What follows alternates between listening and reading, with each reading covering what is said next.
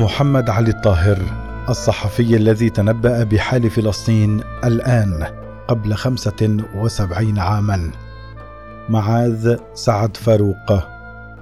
في أحد الأيام عام 1896 ولد طفل صغير في مدينة نابلس الفلسطينية لعائلة ممتدة في يافا لكنه لم يعلم أن الأرض التي شهدت مسقط رأسه لن تستقر له أبدا. وإنما سيعيش حياة عصيبة في سبيل الدفاع عنها وانتشالها من العدو الصهيوني المحتل الذي انتبه إلى خطته مبكرا ولطالما حذر منها وتحدث عنها كأنه يرى في أفقه ما سيحدث في المستقبل. إنه الصحفي الفلسطيني محمد علي الطاهر. نشأة محمد علي الطاهر.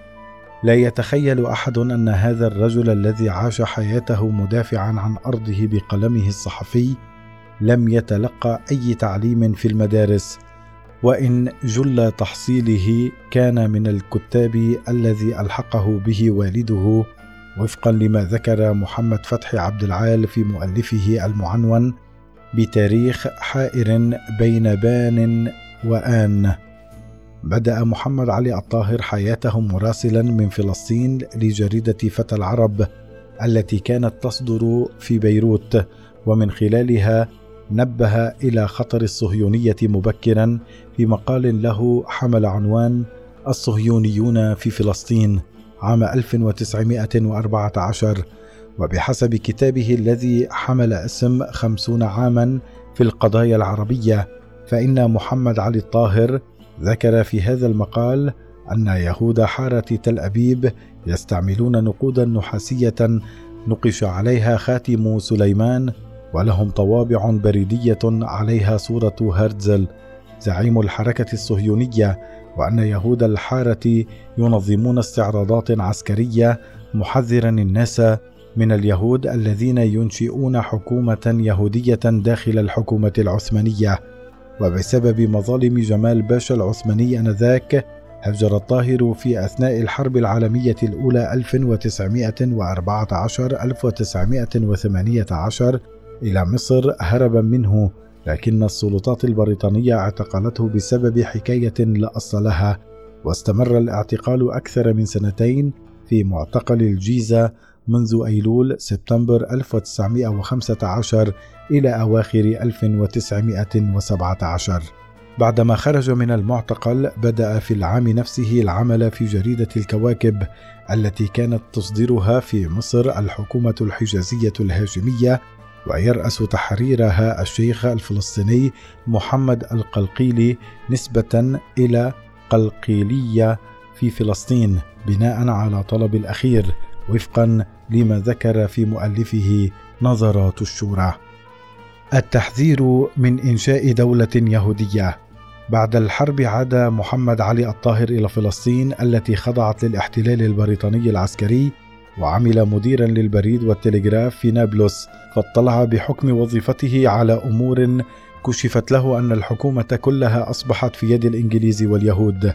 ووفقا لما ذكر الطاهر في مؤلفه ظلام السجن فإنه حين تشكلت الحكومة المدنية برئاسة هربرت صاموئيل الذي عين مديري الإدارة من الإنجليز واليهود استقال الرجل من وظيفته وكان يحلم باحتراف الصحافة لكنه لم يستطع إصدار جريدة في فلسطين بسبب قلة النفقات وبسبب إصراره على حلمه وطريقه الذي بدأه في الدفاع عن أرضه من خطر الصهيونية عاد الطاهر إلى مصر ليعمل في التجارة ومن خلالها يدبر رأس مال يمكنه من إصدار جريدة. ويذكر محمد فتحي عبد العال أن الطاهر افتتح دكانا في حي الحسين في القاهرة ليبيع فيه ما يستورده من نابلس من زيت الزيتون وتحول دكانه مع الوقت إلى ملتقى للوطنيين المصريين وغيرهم من أنحاء العالمين العربي والإسلامي. وتوسع نشاطه في مصر فأنشأ مكتب استعلامات العربي الفلسطيني وأسس اللجنة الفلسطينية عام 1920 وكتب الطاهر في صحف عدة عن فلسطين وكان مما كتبه مقالا عام 1921 نشره في جريدة اللواء المصري حذر خلاله العالم العربي من كون الإنجليز يستهدفون إنشاء دولة يهودية في فلسطين. لتصبح نقطة ارتكاز لاستعمارهم في الشرق الأدنى وأن دولة إسرائيل ستفصل العالم العربي في آسيا عن العالم العربي في إفريقيا. مؤكدا أن عدد اليهود بفلسطين بدأ يرتفع فزاد خلال عامين من أربعين إلى ستين ألفا وأن حكومة فلسطين مع كونها بريطانية قد أصبحت في قبضة اليهود فعلا وعلى رأسهم هاربرت صاموئيل المندوب السامي الذي يعد من أدهى وأخبث زعماء الصهيونية فكان اليهود في تلك الأيام يلقبونه بأمير إسرائيل الأول وفقا لمؤلفه المعنون بمعتقل هاكستاب.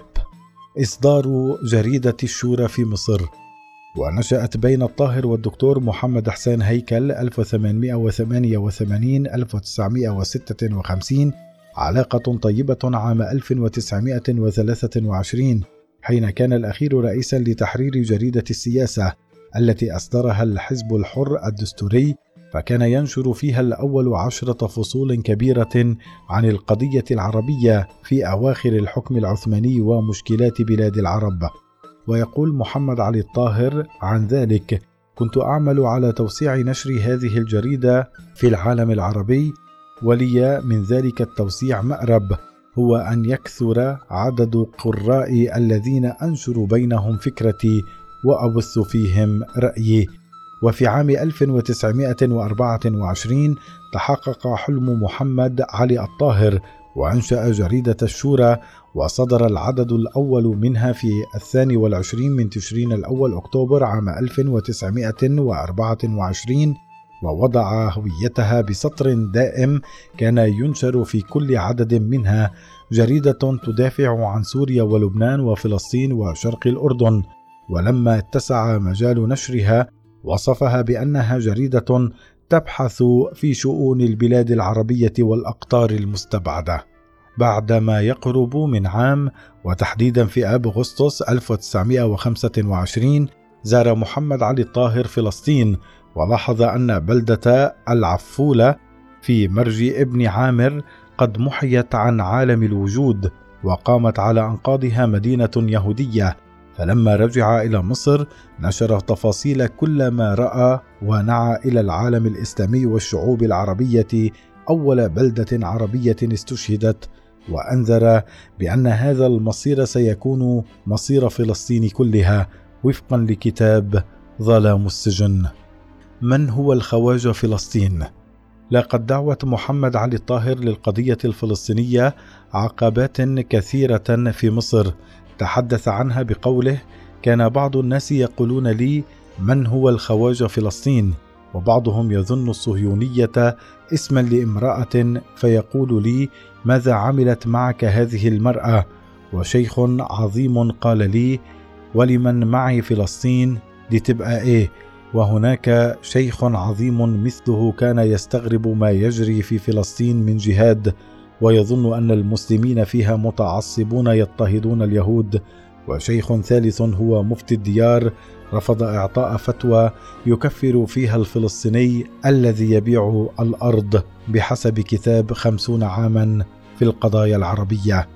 وتعرض للاعتقال عام 1925 على يد إسماعيل صدقي وزير الداخلية آنذاك بسبب تظاهره ضد آرثر جيمس بلفور صاحب الوعد الشهير الذي زار مصر وهو في طريقه إلى فلسطين لتدشين الجامعة العبرية في القدس. ولم يقف الأمر عند هذا الحد لكن بحسب الدكتورة عواطف عبد الرحمن في مؤلفها المعنون بالمشروع الصهيوني الاختراق الصهيوني لمصر. فإنه عندما تولى إسماعيل صدقي رئاسة الوزراء عام 1930 صدر جريدة الشورى وأغلقها.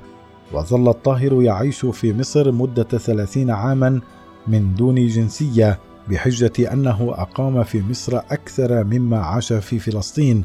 والحقيقة أن الإنجليز أرادوا ذلك تأديبا له على عدم دعم الاعتراف بشرعية استعمارهم ومحاربة فظائعهم حتى لقب بالعربي التائه. الصهيونية لولا إنجلترا ما كانت. وكان الطاهر مهتما بحال فلسطين في كل أحوالها ما يطرأ عليها من تغيرات تحت الاستعمار البريطاني ووجود اليهود. فكتب في إحدى المرات يقول وفقا لمؤلفه ظلام السجن فلسطين لم تشعر بشيء غير طبيعي في حياتها إلا بعد أن شرفها الإنجليز بانتدابهم السعيد فالصهيونية لولا إنجلترا لا تعد شيئا يؤبه له. لكن بريطانيا تريد مخالفة النواميس الطبيعية وأبسط قواعد الإنسانية بأن تزيل بقوتها وجبروتها أهل فلسطين من فلسطين وأن تقتلعهم اقتلاعا لتسكنها اليهود. على ظن منها بأن العالم سيكون عدتها على الأمة العربية. ورأى الصحفي الفلسطيني أن بريطانيا تعمل بخطى سريعة على تهويد البلاد كي تضمن جعل البلاد الفلسطينية في حالات اقتصادية واجتماعية سيئة لتسهيل بناء الوطن القومي فيها لليهود بل إن الحكم البريطاني قد أشغلنا عن العمل لوطننا ولأنفسنا وجعلنا ننهمك في الاشتغال بمقاومته بالدفاع عن حياتنا.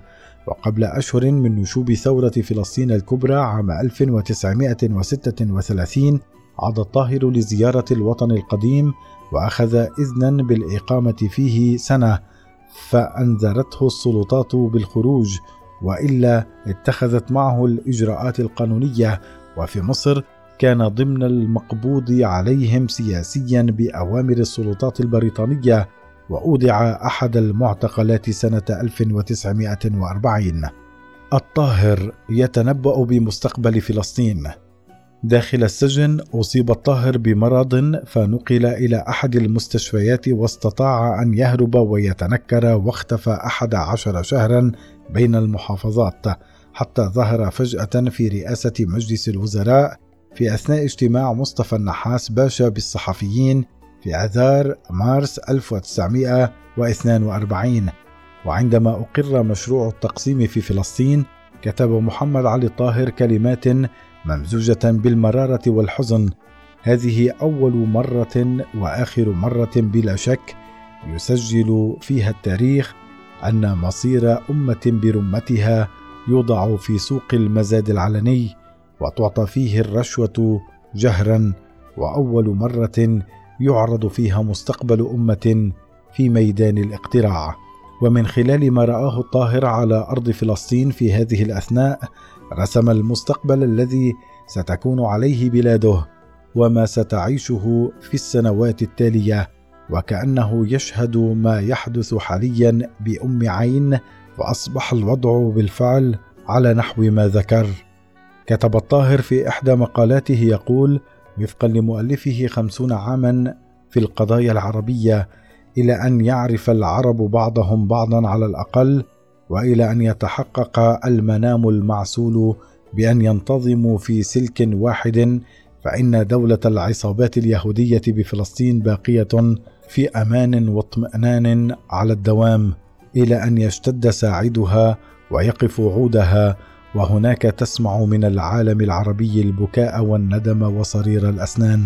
لكن بعد فوات الأوان وبعد توسع الدولة اليهودية المظفرة وتهكم محمد علي الطاهر على حال العرب وموقفهم من اليهود عام 1949 فكتب يقول إن كان العالم العربي لا يقضي الآن على الدولة اليهودية وهي فلول من عصابات وقبل أن تتكتل وتصبح دولة قانونية حقيقية فإنها ستقضي عليه غدا وإن عجز العرب عن ذلك فهم غدا عجز وستحاصر دولة اليهود العالم العربي عسكريا في الجو والبحر وتفرض عليه بالقوة اتفاقيات اقتصادية ومعاهدات عسكرية تضعه تحت حمايتها واستعمارها. رفض المشاركة في حكومة عموم فلسطين.